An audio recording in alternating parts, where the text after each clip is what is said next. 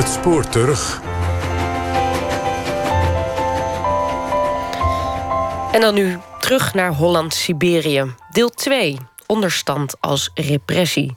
In 2008 publiceert Suzanne Jansen haar boek Het Pauperparadijs... waarin ze op zoek gaat naar haar familiegeschiedenis. Het blijkt een verhaal doorspekt van armoede. Drie opeenvolgende generaties belanden in het heropvoedingsgesticht van Veenhuizen. In de zomer van 2016 wordt het gelijknamige theaterspektakel... over arm en rijk gespeeld op de binnenplaats van het tweede gesticht. Regisseur Tom de Ket schreef het scenario. De documentaire van René Omen volgt het verhaal van Suzanne Jansen... en geeft een impressie van de voorbereidingen van het theaterspektakel.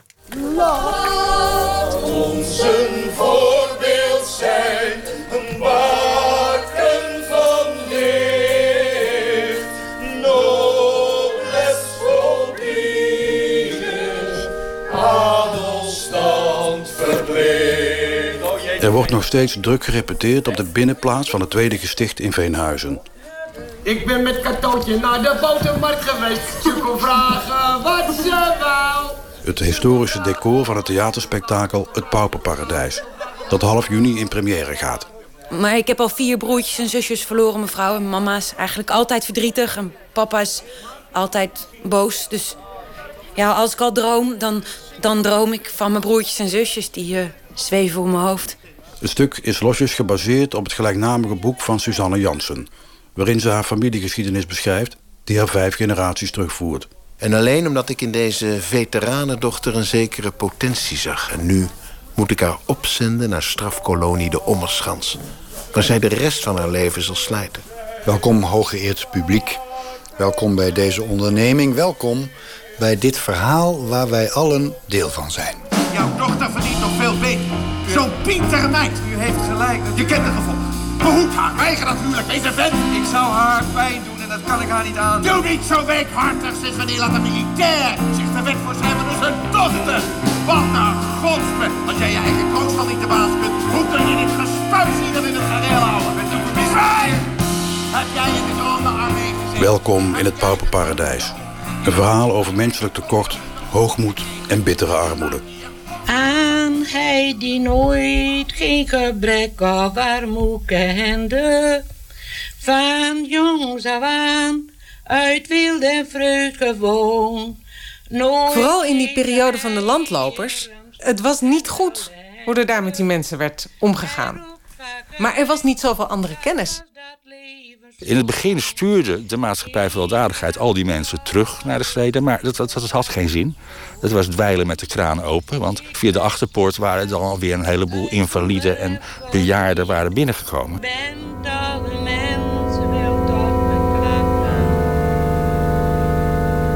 Alle herinneringen aan het maatschappelijke leven, zoals foto's enzovoort, worden u ontnomen. Daarna wordt de burgerkleding genoteerd en een pak gestichtsklederen aangewezen. Meteen verwisselt men voor een nummer zijn naam. Door den zaalopziener wordt u de zaal aangewezen, welke gedurende de tijd der verpleging uw thuis zal zijn. Komt men die zaal binnen op een winteravond, dat de lampen branden, dan duurt het enige ogenblikken voor men iets kan onderscheiden, want in de zaal hangt een tabakswalm die het licht onderschept. De chaos die men ontwaart, doet onwillekeurig de pas inhouden. In 1902 doet een getergde landloper, net ontslagen uit het gesticht van Veenhuizen, zijn kritisch beklag in een uitgebreid verslag. Voor het eerst sinds 65 jaar kwam er een geschrift naar buiten over het leven in de dwanggestichten. Anoniem en ongecensureerd. De landloper noemde zichzelf de onherroepelijk verlorene. Het leven in de gestichten eist geen inspanning van de geest en is zo geheel ontdaan van enige afwisseling dat het van vele verpleegden wezens maakt die niet meer denken. Na drie jaar in de Rijkswerkinrichting gewerkt te hebben, zijn de verpleegden nog even ver als bij aankomst, behalve dat zij zedelijk en lichamelijk in waarde achteruit gingen. De onherroepelijk verlorene zag zijn kans schoon toen het weekblad De Amsterdammer een felle aanklacht had gepubliceerd tegen de ellendige toestand in de gestichten van Veenhuizen en Ommerschans, waar duizenden mannen, jaar in jaar uit, zaten te verpieteren. Het zelfvertrouwen, de zelfstandigheid is grotendeels verdwenen en daarvoor in de plaats gekomen een zekere schuwheid en onbeholpenheid in optreden. Terwijl hij in Veenhuizen zat, zou de onherroepelijk verlorene Harmen Keizer gekend kunnen hebben. De overgrootvader van journaliste-schrijfster Susanne Jansen. Haar boek Het Pauperparadijs voert haar vijf generaties terug in haar familiegeschiedenis. Ik was um, op een uh, dinsdagavond in het Drents Archief. Het Archief was één avond per week open. En uh, ik was uh, de enige die er was.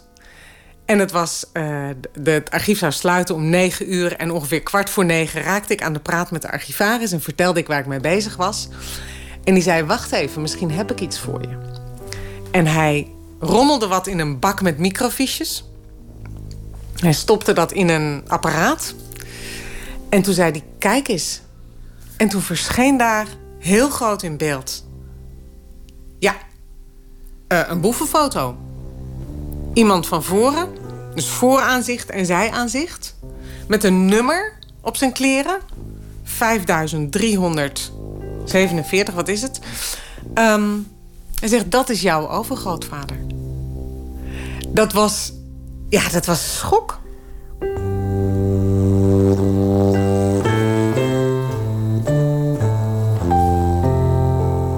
De signalementkaart van verpleegde nummer 5374 vermeldt dat hij 1,50 meter lang is. De breedte van zijn hoofd bedraagt 15,6 centimeter, de lengte 18,9. Zijn gelaatspigment is wit-geel met een doorschijnende tint. De neusrug recht, het linkeroog middenblauw. De verpleegde is niet gebocheld. Zijn rugwelving is nul. Op de kaart staat verder dat zijn straf drie jaar bedraagt en afloopt op 5 november 1903. Tot slot vermeldt de signalementkaart van 5374 een naam: Harmen Keizer. En een leeftijd: 48 jaar. Ik staar naar de man op de foto zoals hij naar mij staart. Dit is geen willekeurige zwerver. Deze verlopen figuur is mijn overgrootvader. De kolonie begonnen met datgene, of de groep die later werd aangeduid als de Vrije Kolonie. Frederiksoord, Willemsoord, Wilhelminaoord. Dat zijn uh, huisjes, leuke, lieve kleine hoeves... met een lapje land eromheen. En uh, dat is puur kolonisatie. Dat is, uh, het woord bestond in die tijd nog niet, maar het is een win-win situatie. Schrijver Wil Schakman schreef boeken over de koloniën. Uh, die armoedzaaiers gaan weg uit de steden. En er wordt uh, onontgonnen land wordt vruchtbaar gemaakt. Dus het nationaal product dat stijgt ook. Want er komen meer landbouwproducten. Dat is die win-win situatie. Daarna kwam er een koerswijziging en werden er bedelaars gedwongen opgesloten. Nederland was puur arm. Als je een voorstelling moet maken van Nederland in de 19e eeuw, dan moet je denken aan een derde wereldland. Er was geen sociaal vangnet. Op het moment dat je zelf de kost niet verdiende, ook al was je 75 of 85, op het moment dat je zelf de kost niet verdiende, dan, uh, dan, dan, dan, dan stierf je de hongerdood. Tenzij je dus jezelf aangaf als bedelaar. En dan kwam je in het bedelaarsgesticht. En dan had je in ieder geval één warme maaltijd uh, per dag. Ons land was net een koninkrijk geworden, 1815. En uh, Willem I, de koopman-koning, probeerde het koninkrijk weer op te bouwen. Dat was nodig ook, want het was een koninkrijk van sloppen. De totale bevolking telde 5 miljoen. Daarvan leefden er 2 miljoen in bittere armoede. De erbarmelijke omstandigheden waarin onze voorouders leefden... zijn nauwelijks voorstelbaar. Ik had niet verwacht dat er een foto van hem zou bestaan. En dat zou ook normaal gesproken niet hebben bestaan. Maar er is um, in het Nederlandse gevangeniswezen en ook in Veenhuizen... gedurende vijf jaar de gewoonte geweest om foto's te maken. En precies in die vijf jaar is hij in Veenhuizen geweest. En dat is... Ja, dat, dat, dat was heel wonderlijk. En tegelijkertijd ook. Ik schrok er ook van, want hij staat. Het, het, is het, het is het ongelukkigste moment waarop hij gefotografeerd is. Hij heeft anderhalf jaar gezworven. Hij is opgepakt door de politie. En hij is gefotografeerd. Hij had nog nooit een camera gezien. Hij wist niet wat er met hem gebeurde. Hij wist niet waar hij. Bedoel, zo, hij was nog nooit gearresteerd, neem ik aan. Niet dat ik heb gevonden. En hij ziet er ook verschrikkelijk uit. Verschrikt, um, angstig. eh, Daas. Ehm, maar ik had een foto. Ja, het was een schok en het was een fantastische vondst. Allebei. Ja, als wij zo met Michiel De poort weg. de poort naar achteren duwt... Dat klopt niet, hè? dan rij ik met de tweede... Is dit het tweede bedrijf? Tweede bedrijf, ja. Oh. Veenhuis is verschrikkelijk dubbel. Suzanne Jansen die merkte dat bij haar allereerste bezoek aan Veenhuizen... binnen een uurtje al. In het tweede gesticht, het huidige gevangenismuseum... wemelt het van de verhalenvertellers... die op verzoek rondleiden. Kees Timmerman is zo'n verteller. Als u nou hier omhoog kijkt, dan ziet u hier een staalconstructie door het gebouw lopen. Op de plaats waar nou deze stalen constructie loopt, liep van oorsprong een muur. En die muur was maar op twee plekken doorbroken. Bij de vooringang en bij de achteringang. En verder kon je nergens van de ene kant van de muur naar de andere kant van de muur komen. En die, die 30 centimeter dikke muur, die gaf aan of je vrij man was aan deze kant, of dat je volledig afhankelijk was van de bewaking. Durf te dromen. Droom je hele leven door. Door de mazen van de wet. Droom door de kieren van je hart. Zowel in de Ommerschans als in de gestichten in Veenhuizen... die bestonden voor het grootste gedeelte uit zalen. Een zaal is 4,70 meter bij 30, ongeveer. En op één zaal woonden 40 bedelaars of 80 weeskinderen. Opziener daarvan, dat was de zaalopziener. Dat zouden we tegenwoordig pedagogisch medewerker noemen, denk ik. Die had dan in zijn eentje het opzicht over de twee zalen aan weerszijden van, eh, van zijn woning. Dus die had het opzicht over 160 kinderen.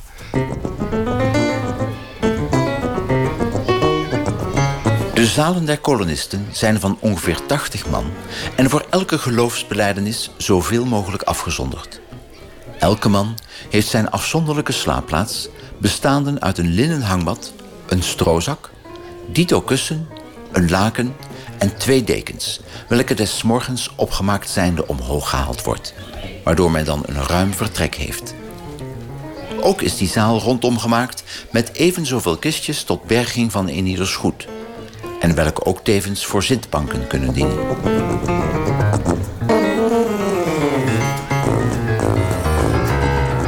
Het is slechts te bejammeren dat men bij het bouwen van het gesticht niet is bedacht geweest om er secreten in te maken. Daar men door dit gemis genoodzaakt is alle avonden voordat de deuren gesloten worden twee tonnen of nachtprivés in elke zaal te brengen, welke aldaar open en bloot tot elk scherief staan. Het welk, zoals na te gaan is, in een zaal waar 80 man slaapt, niet alleen een zeer benauwde lucht verwekt, maar ook hoogst schadelijk voor de gezondheid is. De reinheid, zo van het gesticht als die der kolonisten, laat veel te wensen over.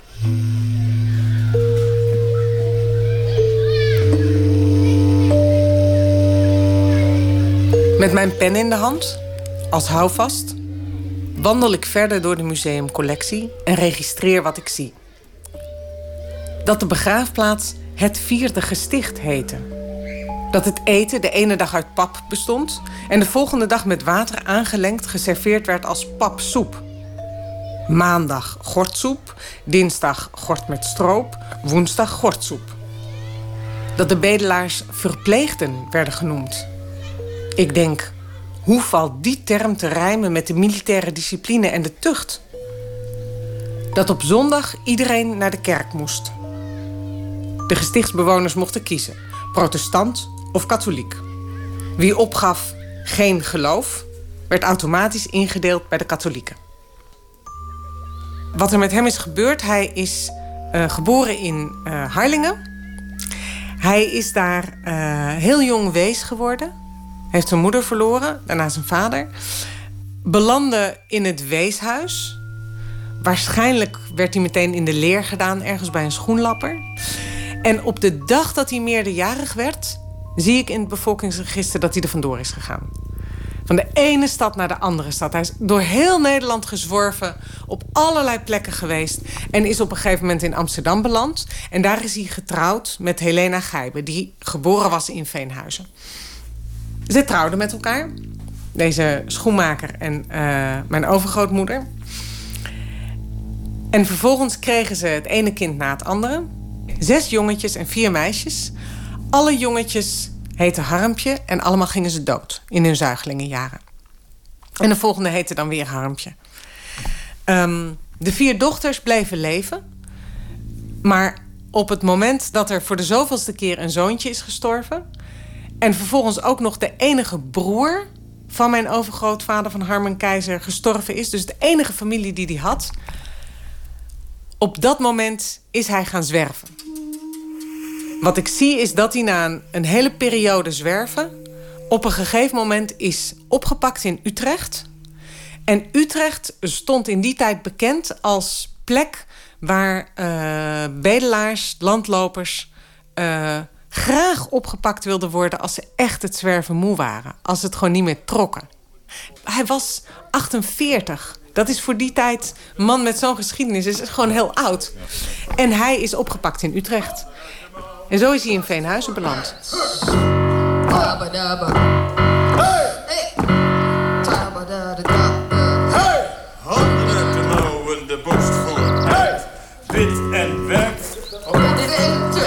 Wat, wat je bijvoorbeeld ook ziet is dat uh, als mensen echt op hun laatste benen lopen...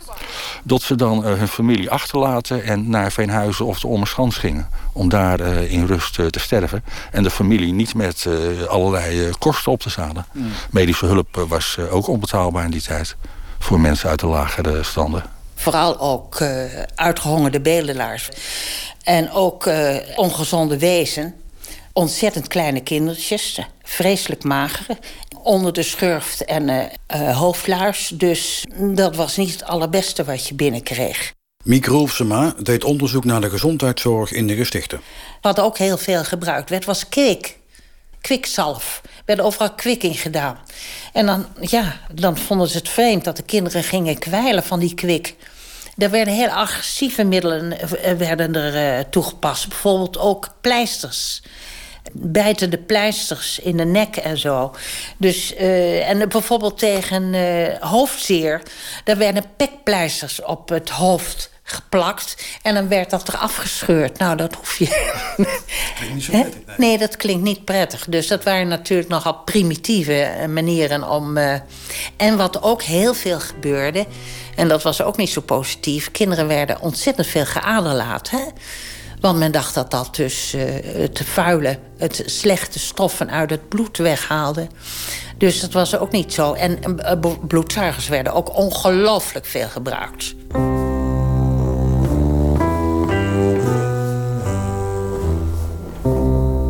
Bewezen diensten. Deze jonge dame heb ik in goed vertrouwen in mijn huis opgenomen. Ik heb haar ontlast van zwaar werk. Ik heb haar, als er tijd voor was, onderwezen.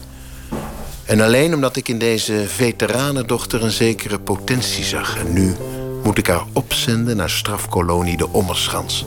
Waar zij de rest van haar leven zal slijten. Want privileges zal ik niet snel meer geven. Ik heb mijn lesje geleerd.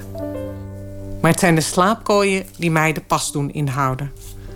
Zes witte alkoven van gevlochten bandstaal op een rij. 90 centimeter breed, 1,85 meter lang. Ze zijn net zo dicht opeengeplaatst als vroeger, toen elke zaal er 120 telde. Eén van de alkoven staat uitnodigend open. Terwijl ik naar binnen kijk, komen er twee dames in mijn richting aangelopen. Boven het geklik-klak van hun hakken uit hoor ik ze praten over projectindicaties en programmatyperingen. Ach, wat schattig! Laat een van hen zich met een blik op de kooien spontaan ontvallen. Kijk nou toch, dit was vast en zeker voor de kleine crimineeltjes. Suzanne Jansen voelt de adrenaline tegen haar schedeldak aanknallen. En ze wil die wijven bij de strot grijpen. En zeggen, mijn overgrootvader Harmen Keizer... die nooit iemand echt kwaad gedaan heeft. Hij was alleen maar zo slap aangedraaid als je slap aangedraaid kan zijn. Die heeft hier jaren in zo'n hockey van 90 bij 180 centimeter moeten slapen. Deur op slot, geen mogelijkheid om eruit te komen maar ze kan geen woord uitbrengen. Ik voel het bloed naar mijn wangen stijgen. Ik wil ze invrijven hoezeer ze ernaast zitten. Maar in plaats daarvan stap ik de kooi binnen, bij wijze van onopgemerkt statement. Tot mijn verbazing is het daarbinnen niet eens onaangenaam. Het voelt zelfs veilig, alsof je je op een eilandje hebt teruggetrokken. Op een plek waar niemand je kan raken.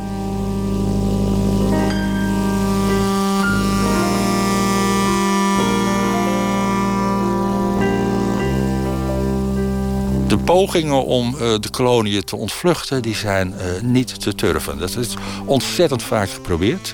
Maar ja, de kunst is om weg te blijven. Uh, de meeste vluchters die werden later weer teruggebracht door een of ander veldwachter of, of, politieman ergens uit den landen. de politie overal in het land wist ook van als iemand uit de koloniën komt en hij heeft geen verlofpas bij zich, dan, uh, dan moet hij terug. Dan is hij ontsnapt, dan moet hij terug. Bij, de, bij de weeskinderen was het ook zo dat uh, hun nummer, het weesnummer... dat was in al hun kleren genaaid. Zodat ze ook niet de verlofpas van een ander konden gebruiken. Zoals het in Veenhuizen ging...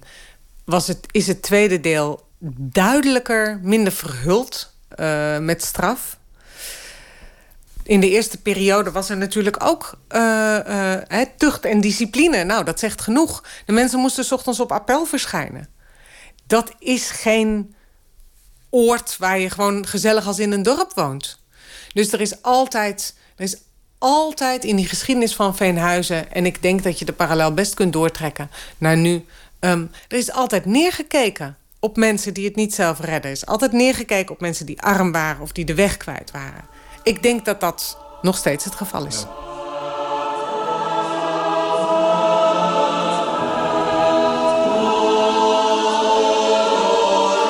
Dat de kinderen van Helena en Harmen alle vier achter de kloostermuren terecht waren gekomen, was een wending die ik niet had voorzien. Het klooster leek haast wel een vrouwelijke tegenhanger van Veenhuizen. Een besloten gemeenschap met strikte regels als een eilandje van zekerheid in het rauwe onderklasse bestaan.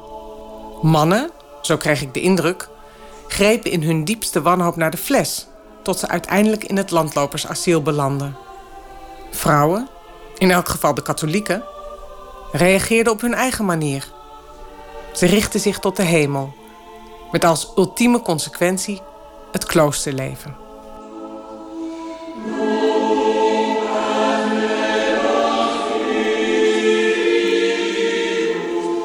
Zij heeft ongelooflijk veel ellende en armoede meegemaakt. Overigens net als haar zussen. En um, zij is op een gegeven moment, toen ze 16 was, naar het klooster gegaan. Dat betekende dat ze aan de deur werd afgeleverd.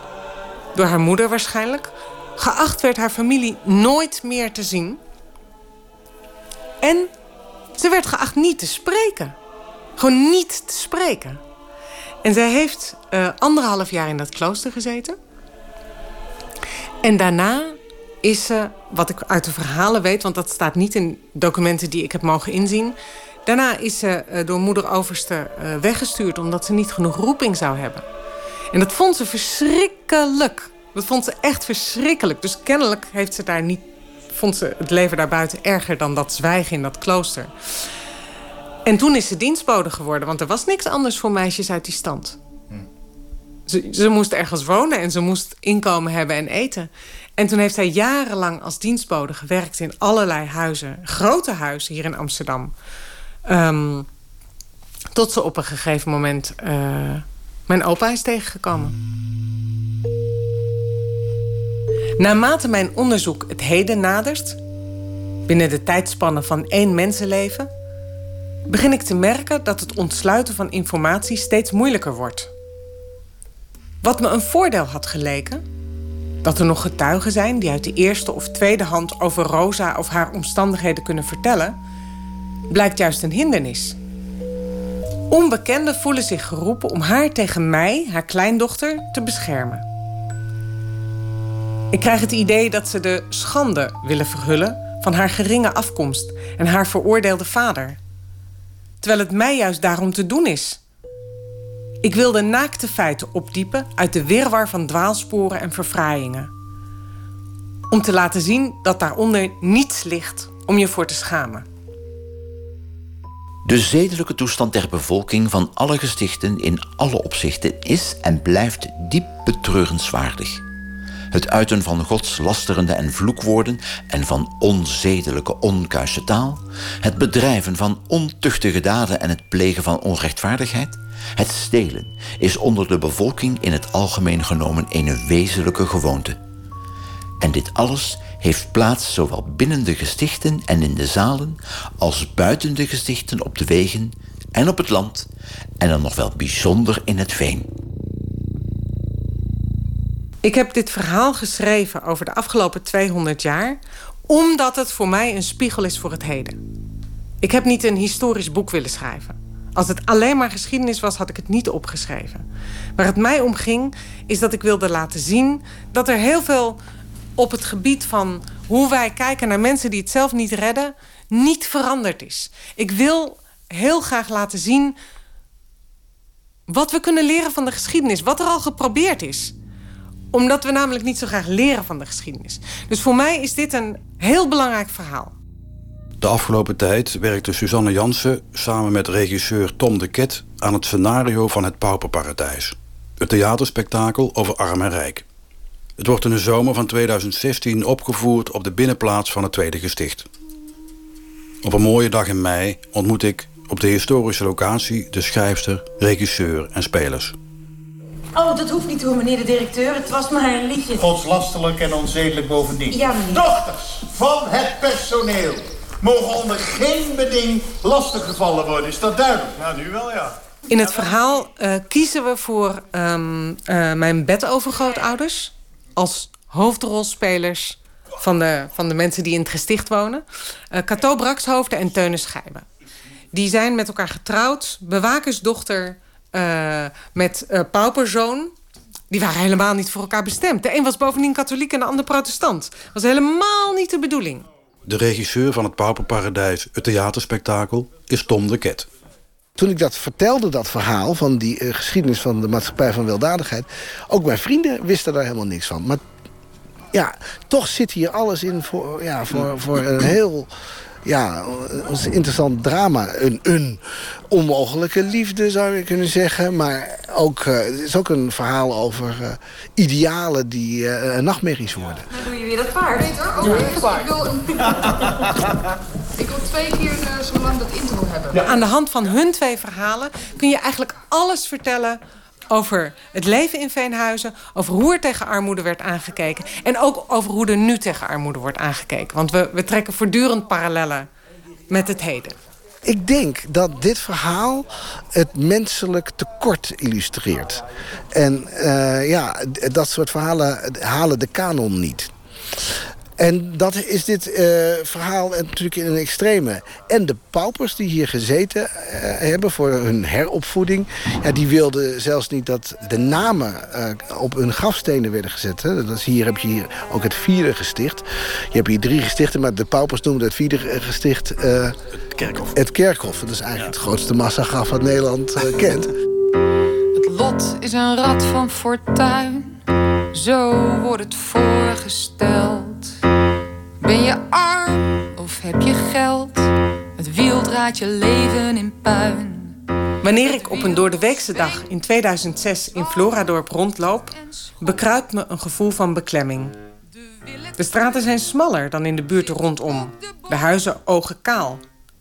Terwijl ik foto's neem van de kazerneachtige blokken, begrijp ik ineens waar die onverklaarbare trots van mijn oma vandaan kwam.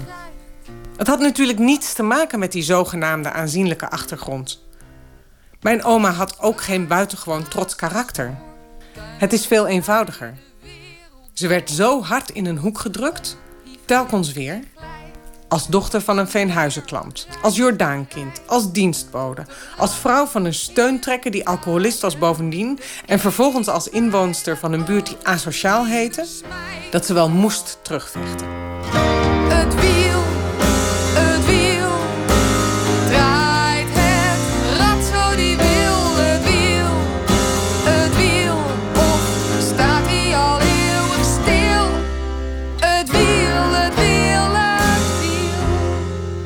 Ik, ik denk dat als eh, gezegd wordt van, eh, dat, het, dat er een mislukking was... dat dat te veel met 21-eeuwse ogen is.